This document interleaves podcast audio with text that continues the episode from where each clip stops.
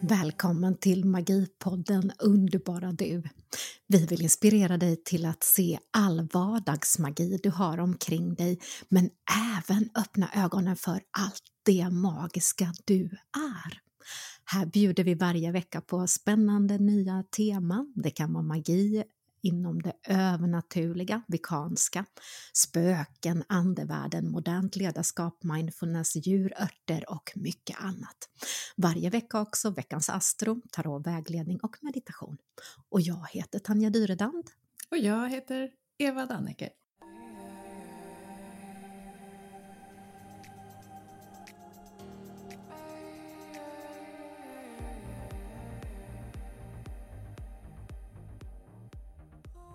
Varmt välkomna kära lyssnare till Magipodden. Idag med mig Eva Dannecker och Tanja Dyredand. Och med oss på distans så har vi den eminenta gästen Ann Henemo. Ann är Reiki Master Teacher och eh, certifierad andlig healer. Hon vandrar shamanens väg och jobbar som medium. Så ett varmt välkommen till dig som lyssnar och ett stort varmt välkommen till dig Ann idag. Tack. Ann Henemo heter jag och eh, jag bor i Stockholm. Eh, har alltid bott här. Eh, och eh, jag har alltid sett, sett saker som kanske inte alla andra ser. Och det här var, har ju väl varit lite tufft under hela min uppväxt. Att eh, andra inte ser och tankar om det här och eh, det kom när det ville och inte när jag ville. Så att eh, för en 20 år sedan så bestämde jag mig för att nu ska jag bestämma själv att göra en stänga av och sätta på-knapp. För att eh, själv ta kontroll. Och det här gjorde jag när jag gick in i väggen 2001. För då var jag tvungen att börja lyssna på mig själv, att hitta min inre röst. Och det är väl det som var nyckeln till det hela. Att hitta min inre röst och få kontroll över allt det jag såg och upplevde och vände det här till en, en, en tillgång istället. Att utveckla mitt seende, utveckla mitt vetande, utveckla ja, alla mina sinnen helt enkelt. Och det här har varit eh, för idag är det en stor gåva och eh, fantastiskt spännande. Och det är det jag använder när jag går ut på kraftplatser. För då har jag en kommunikation med platsen och platsens väktare. Och jag blir så nyfiken, när du säger kraftplats, vad är det? Ja, det kan vara mycket, men vi har ju stora kraftplatser runt om i världen. Vi har Machu Picchu och vi har eh, eh Giza-pyramiderna, men hur ofta kan vi komma till dem? Eh, titta närmare. Om du går ut i naturen, om du hittar din inre röst, då kan du börja kommunicera med naturen, med väktarna i naturen, med alla naturväsen. De, de eh, vill ju så gärna att vi tar kontakt med dem, att vi kommunicerar. Och eh, till exempel bara att du går ut och går, du hittar en glänta där du bara känner, åh, här vill jag stanna. Ja, men då är det din kraftplats. Vi behöver inte söka de här stora, stora kraftplatserna, utan det finns också platser där du läker. För att som jag ser det när jag kommer till en kraftplats så det viktigaste av allting, först och främst, ha respekt för platsen. Fråga om du får vara där. Men sen, det gäller att samvibrera med platsen. Det är först när dina, dina eh, energivågor blir detsamma som platsen som du kan börja läka, där du kommer att bli ett med platsen. Så kommer du inspringande på ett ställe och tänker att, ja gud, nu har jag bara tio minuter på mig och jag måste handla och har jag skrivit upp allt på listan? Så får, du inte så får du inte kontakt med en plats utan sätt dig ner. Jag har ofta en solstol med mig. Jag har eh, en termos med te, smörgås, lite frukt. Och jag sätter mig ner och bara chillar. Kopplar av. delar min måltid med platsen, delar med mig av mitt te, utav min frukt. Eh, och väntar till jag börjar samvibrera med platsen. Då kan jag börja uppfatta saker. Jag uppfattar inte ett dugg om jag kommer inspringande på en plats och tittar på stenarna. Oj, här var det några stenar. Mm, jag, jag upplever inte så mycket. Utan det när jag verkligen tar in platsens energier. Och det räcker egentligen med att göra så. För att då läker du av platsens vibrationer. För en kraftplats, ja vad är det? Om vi säger generellt så har vi, det här är som jag ser det, så har vi lejlinjer. Det är ungefär som regnbågsormar som går över landskapet. Eh, det går horisontalt. En del under jord och en del ovan jord. Och det här har ju då många olika frekvenser. Det påminner om vårt, människans chakrasystem. Det här tillhör alltså jordens chakrasystem. Det här är jordens meridianer. Och de går kors och tvärs. Det finns stora lejlinjer som kommer ifrån Giza, ifrån England, Glastonbury. Men sen finns det också mindre. Det är ungefär som ett vattendrag. Du kan ha stora floder och du kan ha små bäckar. Så är det med lejlinjer. De kan vara många, många hundra meter breda. Men de kan också vara tio meter breda. Så det finns som ett samlingsnamn på det här. Men hur hittar man en lejlinje? Jo, vi använder oss av pekare, alltså vinkelpekare, som man också använder när man mäter vatten. Men vi kan också använda oss av kartor. Kartor är vår bästa vän. Vi kan ta en pendel och kartpendla. Vi kartpendlar det mesta av det, det, vi, det vi eh, undersöker. Och eh, om du inte riktigt kan det heller så kan du titta på en karta så kan du se sådana här fornminnes-R. Om de ligger på en rak linje så är det med största sannolikhet att det går en lejlinje här för att förr man tager vad man haver och vad hade man för 2-3 tusen år sedan? Jo, men då använde man sig av naturens energier såklart. Och på de här lejorna så hittar du oftast bosättningar. Eh, medeltidskyrkor är ofta byggda på en lejlinje. Jag har faktiskt inte hittat någon som inte har varit det. Eh, så att på de här platserna så, så kan du hitta också kraftplatser som där du har resta stenar, skeppssättningar. Eh, och vad är det som för energier som gör en kraftplats? Jag kan ju börja först med att när du kommer till en plats där det finns mycket enar och speciella stenar, man, man ser att det sticker ut. Men framförallt så känner jag det i kroppen. Att jag bara känner en lycka i kroppen. Och ofta så blir jag visad de här ställena. Som förra veckan så var vi ute vid Broborg, en fornborg. Och jag gick ifrån mitt sällskap för att hedra naturen. Och då när jag gör det så, så ser någon som, hallå, hallå, kom hit. Så, så jag började gå mot det, jag bara kände att jag ska, måste gå hit bort. Och när jag kliver ur den lilla skogsdungen så öppnas det ett landskap av en fantastisk äng med stor häll med stenar placerade på lite olika ställen. Enar, slånbärsbuskar. Här bara strålar energierna. Sen kunde, gick vi närmare och tittade och då kunde vi se att det var uthuggna som L-form, 90-gradiga uthuggningar i några stenar. Och eh, jag var i Egypten för ett tag sedan och eh, när vi var i Keopspyramiden så sa Tott att eh, vi skulle öva på den 90-gradiga utfasningen.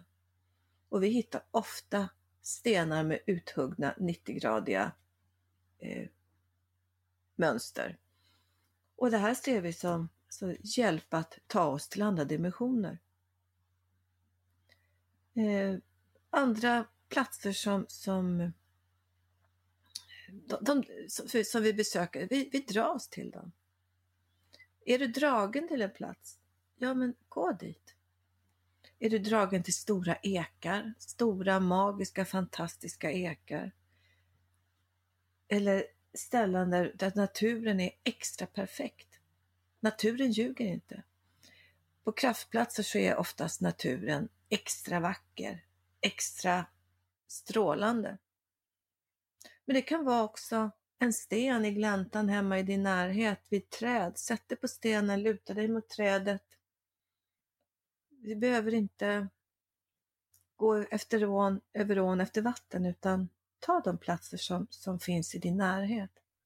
Och har du svårt att röra dig eller inte kommer ut, skapa din kraftplats hemma i soffan. Så, så för många av de här platserna handlar det om eh, också kosmiska instrålningar. Du har lejlinjer, du har ett flertal andra energier. Du har markenergier, jordenergier som kurrelinjer, hartmanlinjer, olika jordstrålningar, treuddar, sexuddar, eh, framförallt sexkantsfönster, men det skulle jag kunna prata om i flera timmar. Det är en väldigt speciell eh, energi. Och du har lejlinjer, du har resta stenar, domarringar, skeppssättningar, pyramider, pyramidstenar. Det finns oerhört mycket olika både energier och eh, stenar som man placerar på de här ställena. Och stenarna framförallt, du kan ha altarstenar, du kan ha pyramidstenar.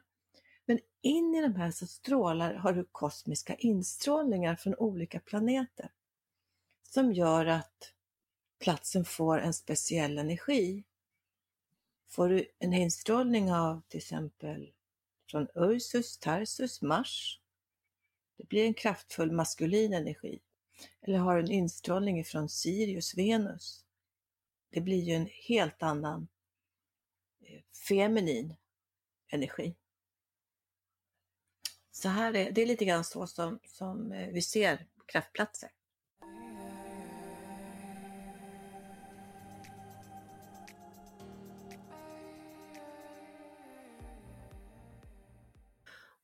och jag bara ryser. Eh, och det är så mycket följdfrågor förstås och jag tänkte återkoppla lite grann till det du säger också det här med att Eh, att man ska ta sig tid att vibrera med platsen. Jag, bara för några år sedan så var vi i eh, England och besökte sådana crop circles. Eh, där då över en natt så utformas helt magiska mönster i stora fält. Och det finns ju forskare som åker dit och tittar på hur de här cropsen, alltså det vill säga vete eller korn, har eh, fällts ner. Och det finns idag eh, vissa av dessa fält som ingen kan förklara hur den här formationen över en natt har kunnat komma. Det finns ingen mänsklig eh, maskin eller liknande som kan tillverka exakta mönster på detta sättet.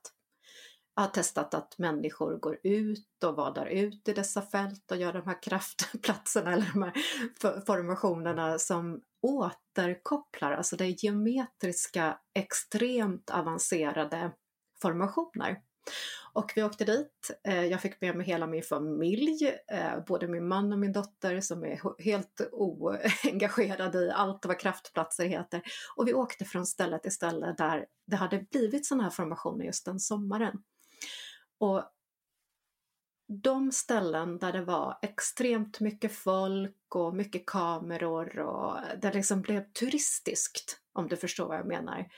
Det fanns ingen ro det fanns inget ställe där du kunde sitta och meditera. Det, det kändes bara helt fel, även om själva platsen säkert hade en typ av energi och magi.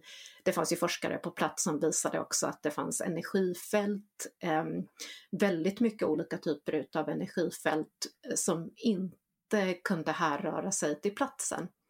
Men sen en morgon så fick vi nys om en ny sån här crop och vi åkte dit eh, gick genom jättekrångligt snår och, och allt möjligt för att komma dit. Och det här var, vi var först på plats eh, efter de här forskarna.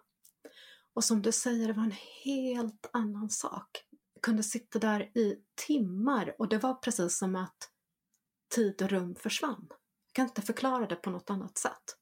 Nu har ju inte vi en möjlighet på den tiden att kunna se hur det såg ut utan vi kunde få se det sen ifrån drönarbilder efteråt. Men bara att vara i de här cirklarna och jag hade en klocka på mig och den blev förstörd, alltså den blev avmagnetiserad och våra mobiltelefoner likaså. Alla våra mobiltelefoner bara slogs ut. Pratar om det här så sitter jag och tittar rakt fram. Jag blir så påverkad av den här energin. Så allting i mitt vardagsrum blir mjölkvitt. Så, oh, wow! Så stark är den här energin ifrån den här kroppscirkeln. Som jag ser kroppscirkel så är det ju eh, alltså, budskap ifrån andra. Eh, det här är verkligen instrålningarnas kung och drottning. För det är koder ifrån våra vänner ifrån från andra existenser. Ja, det är en sån tacksamhet och, och jag tog faktiskt med mig lite crops därifrån. Eh, och eh, har helt glömt bort dem. Tills förra veckan när vi fixade i ordning på vinden. Så inför den här podcasten så kom de här kroppen fram igen. Så det var då meningen att jag skulle koppla på mm. the crop energy. Vad säger du Eva om magin och de magiska platserna? Ja, jag tycker det är jättehäftigt och jag älskar ju att vara ute i naturen och jag kan Eh, känna väldigt starkt i det som du säger Anna, att, att landa på platsen och ta kontakt med platsen och låta liksom bli ett med platsen och, och faktiskt stilla dig så pass mycket så att, du, så att du börjar höra och känna och se på ett annat plan än vad vi brukar göra. Eh, så det, det är ett väldigt bra tips att, att gå ut och landa i naturen för då händer det verkligen magiska saker.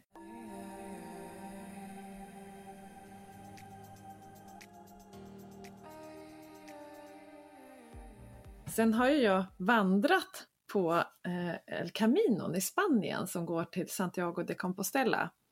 Och där upplever jag en väldigt stark kraft längs den leden.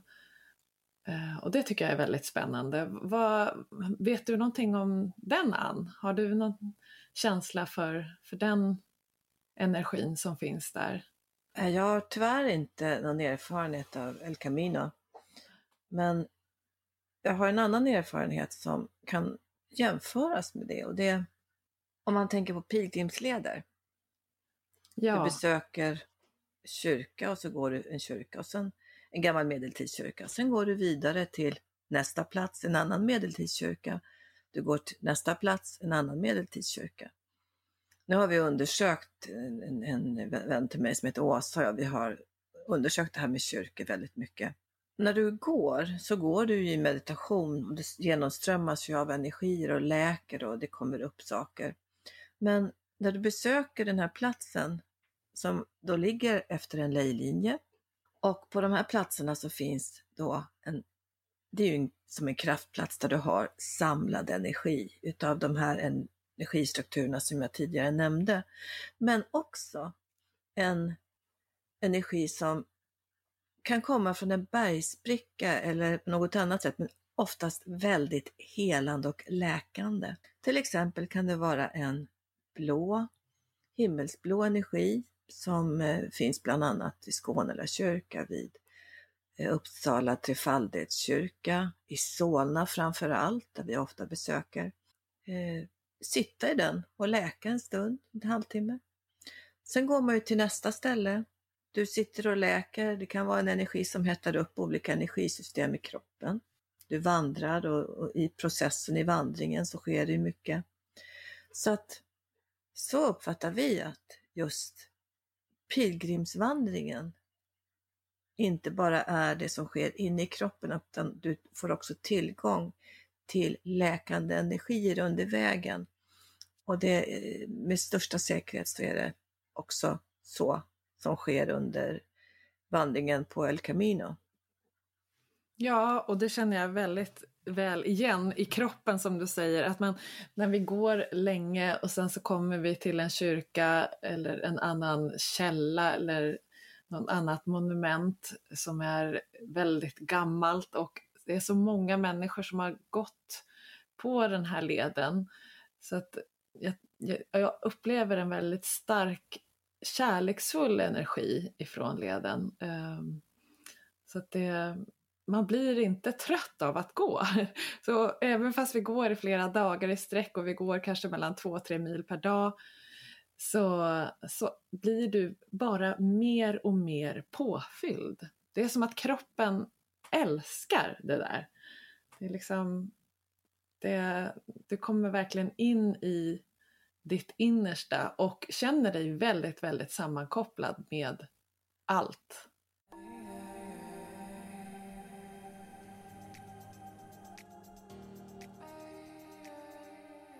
Men du har ju också de här planetinstrålningarna ifrån olika planeter som, som påverkar dig. Jag kan berätta om eh, ett ställe som eh, då finns här i Stockholmsområdet. Men då så, när jag gick in i väggen för en 20 år sedan så var jag väldigt mycket ute i skärgården. I, jag jobbade i Gustavsberg så att jag hade nära ut till klipporna i Baggens, vid Baggensfjärden. Och eh, jag blir ofta vägledd och eh, jag hamnar på ett ställe vid Storängsudd. Ett naturreservat. Och här tog jag min solstol och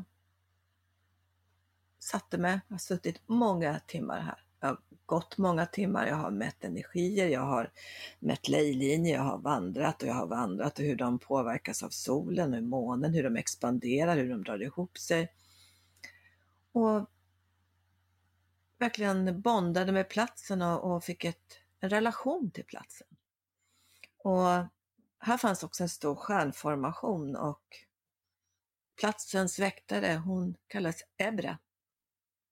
Och jag frågade, hur ser det ut? Hon sa det, men sök på det som ni kallar internet och sök på Damaskus och eh, eh,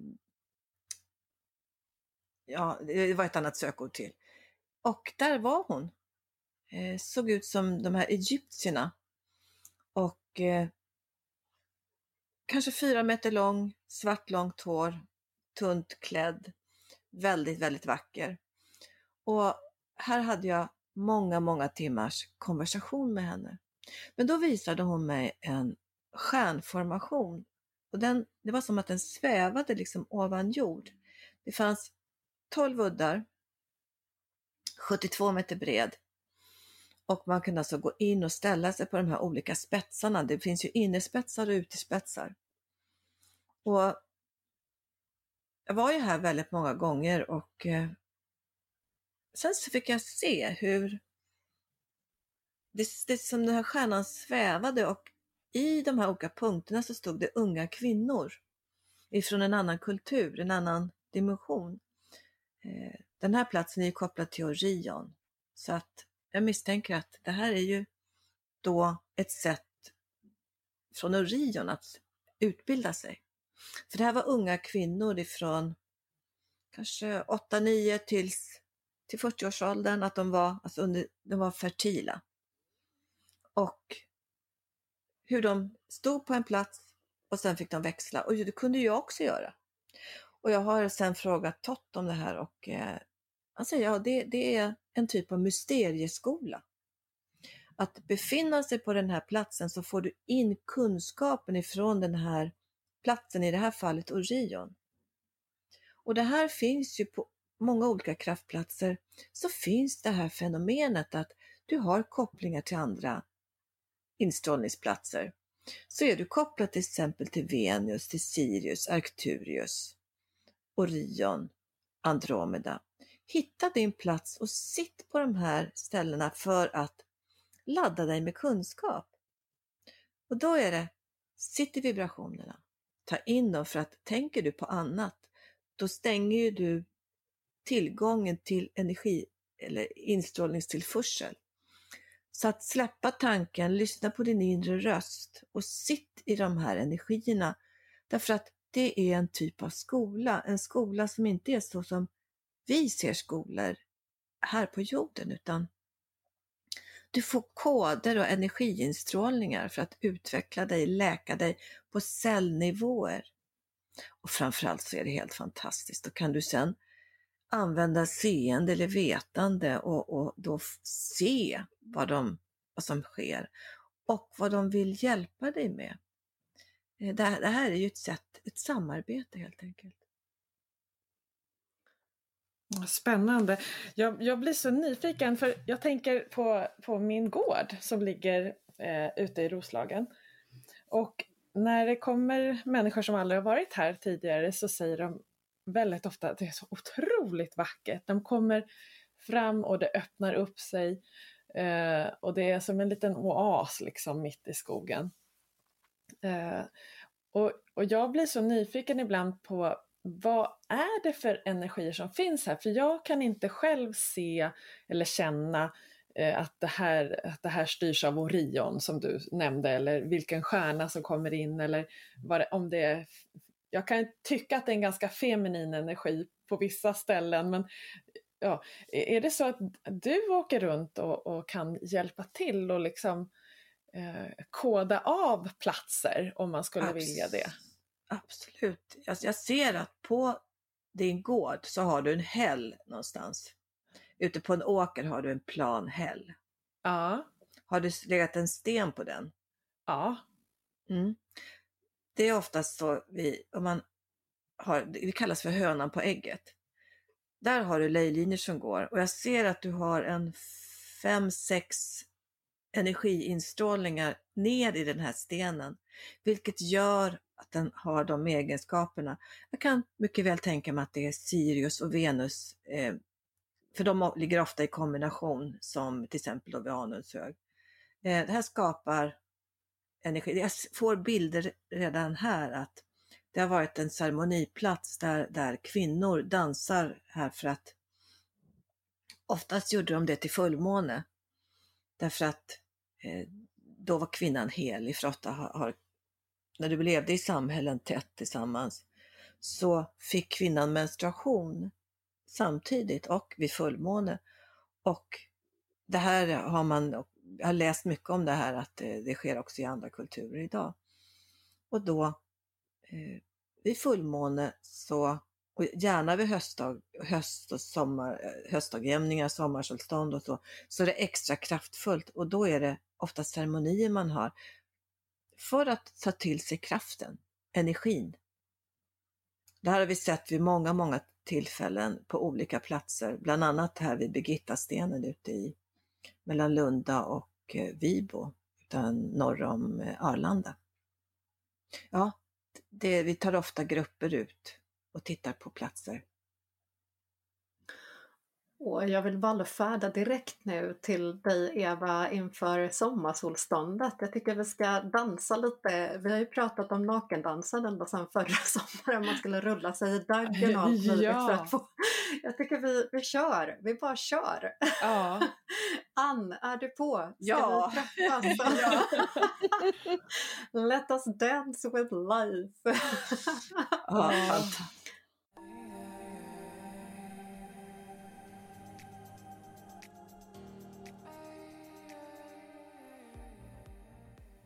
Jag kan berätta en liten anekdot om det här med, med instrålningar. Eh, för några år sedan så var jag uppe i Grövelsjön. Jag är, tycker väldigt mycket om att umgås med mina slagrutevänner som går då med slagruta. De är otroligt duktiga på energier. Och för att bli en riktigt duktig slagruteperson så har du inte seende och hörande och att du har alla dina sinnen utan att du kanske saknar det. Det är de som blir duktigast eh, slagrutefolk, slagrutemän, slagrutekvinnor. Därför att om jag håller en slagruta så får jag bilder, då påverkar jag slagrutan. Alltså en vinkelpekare.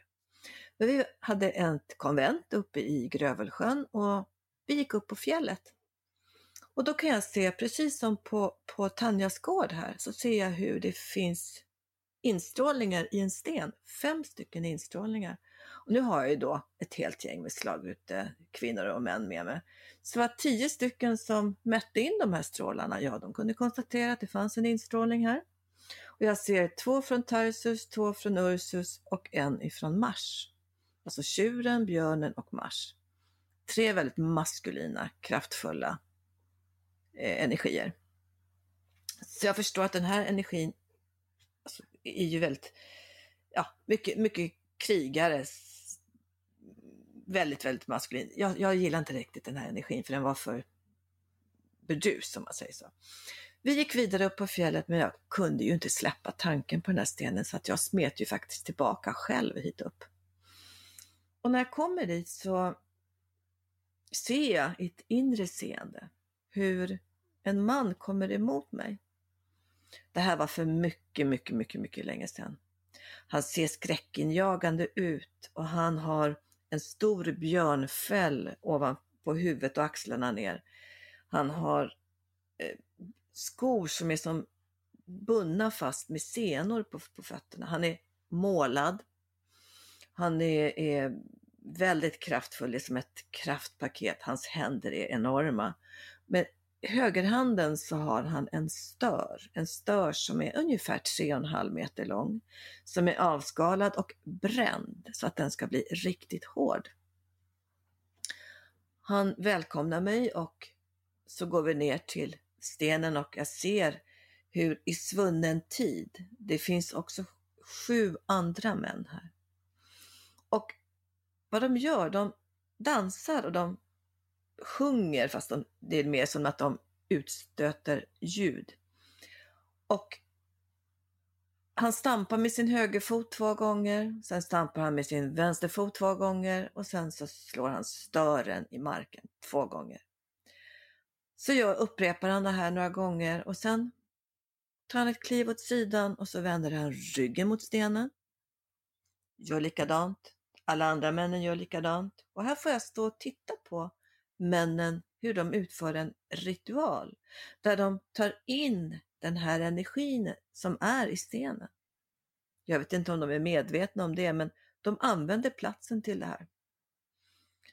Eh, jag tackar för att jag får vara del av det här. Och så tar jag några steg åt sidan och så, så börjar jag sätta upp näsan i vädret och vädra och känna lukter jag aldrig någonsin i mitt liv har känt. Och så bara blir jag, oj, två kilometer till höger där, där är ett stort djur som rör sig fort. Och så känner jag nya lukter. Jag visste inte att det fanns sådana här lukter. Och jag känner att hela jag, hela min manke växer. Till vänster så ser jag, känner jag, 200 meter bort så har jag ett litet djur som rör sig. Och jag bara inser att jag har fått björnens kraft. Jag har fått björnens sinne. Och jag har fått en insikt och visdom om att hur man har kunnat använda sig av de här instrålningarna som går ner i stenarna, i den här stenen precis då. Hur man har använt sig av det förr i tiden. Och jag tackade så väldigt mycket för den upplevelsen. Vilken underbar gåva!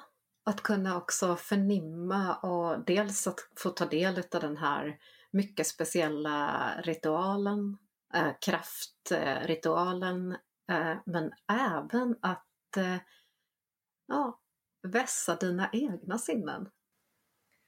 Ja, det är fantastiskt att eh, få gå till en plats och, och, lyssna in. Så att det här uppmanar jag till dig som vill utveckla dina seenden och sinnen att det är verkligen fantastiskt att få göra det här. Jag har många vänner som, som eh, ser samma som jag, upplever samma som jag, så att vi kan ju vara några stycken som sitter på en plats och vi beskriver samma händelser. Så att eh, vi får dela den här glädjen.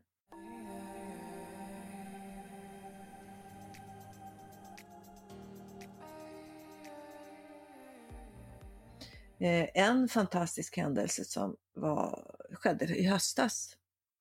Eh, källor är ju också väldigt speciella. Jag var ute med min vän Åsa Vi skulle leta reda på Gorrakällan i, i Sorunda. Eh, vi gick där i skogen, det var inte så lätt att hitta källan. Vi, vi vandrade och vandrade och vandrade. Men så hittade vi källan och vi drack dess vatten och vi hälsade på platsen och vi frågade ju främst om vi får komma in. Eh, och vi tackar platsen och vi går därifrån. Men då kommer platsens gudinna. För så som vi ser det så har källorna oftast en kvinnlig kraft. En gudinnekraft. Och hon reser sig ur vattnet och hon kommer svävande mot oss. Och hon kommer fram till mig och lägger sina händer runt min hals och säger att du behöver läka här. Och samtidigt som det här sker, det här ser ju både Åsa och jag, så kommer naturväsen i hundratals runt omkring oss. Och vi tittar på dem och vi hälsar på dem och de hoppar upp och ner, upp och ner, upp och ner. Och människor som ser, människor som ser, människor som ser och de är alldeles till sig av lycka. Människor som ser, människor som ser och de är fram och tar på oss och de, det, det är eufori av glädje. Och sen rätt vad det så bara brakar det till ute i vattnet och uppreser sig ett stort bergatroll. Han, är, han har inte rört på sig på väldigt, väldigt länge. Och när han reser sig upp, det sjögräset, det, liksom, det, det växtdelar, det bara rinner av honom och han lufsar fram. Kan han vara fyra meter hög? Och han går fram till Åsa med sina jättefingrar så går han in i hennes energikroppar och så säger han till henne, ja du har samlat på dig mycket skräp och så börjar han plocka olika energi, eh, traumabollar och så som finns i hennes eh, energikroppar. Och samtidigt nu så pratar vi med de här underbara naturväsena som bara står och hoppar och hoppar och hoppar och hoppar. Det är så att hela marken vibrerar för att de hoppar. Och människor som ser, människor som ser. Och då frågar vi att, men, men vad, varför säger ni så, människor som ser? Varför, det finns ju många som ser. Ja, men många val, de flesta valde att stänga ner sitt seende i slutet på 1600-talet, 1700-talet, när han nämnde faktiskt 1688. Därför att det var de här häxbränningarna och förföljelserna av, eh, av människor som såg. Så det var en stor festdag här vid Gorrakällan när vi kom in och såg. Och den glädjen i samarbete med både trollen och med eh, källornas eh, gudinneväsen och naturväsen, de vill ju så gärna samarbeta. Så ut, ut och upptäck, ut och se, använd dina sinnen till att kommunicera. Och var inte så, så sträng mot dig själv utan faktiskt lek, öppna upp, kommunicera. Det går jättebra.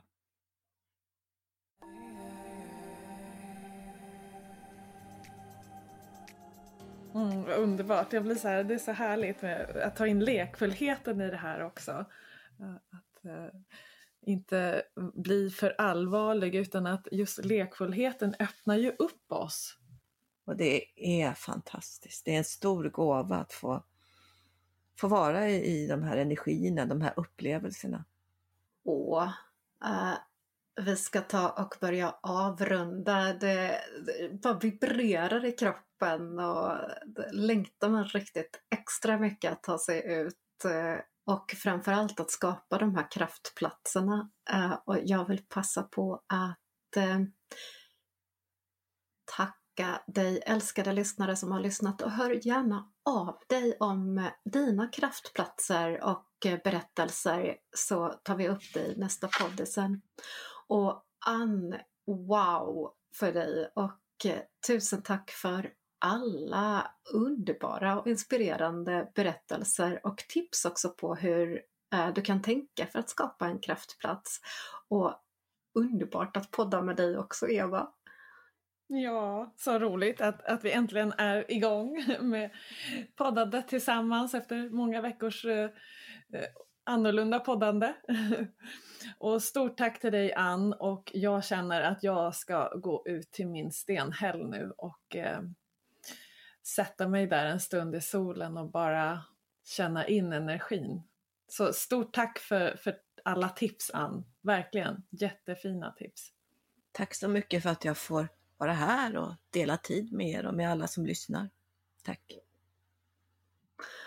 Och så hörs vi nästa vecka, älskade lyssnare. Och eh, kom ihåg att magin börjar med dig. Hej då! Hej då! Hej då! Woop woop! Balloop. Woop woop!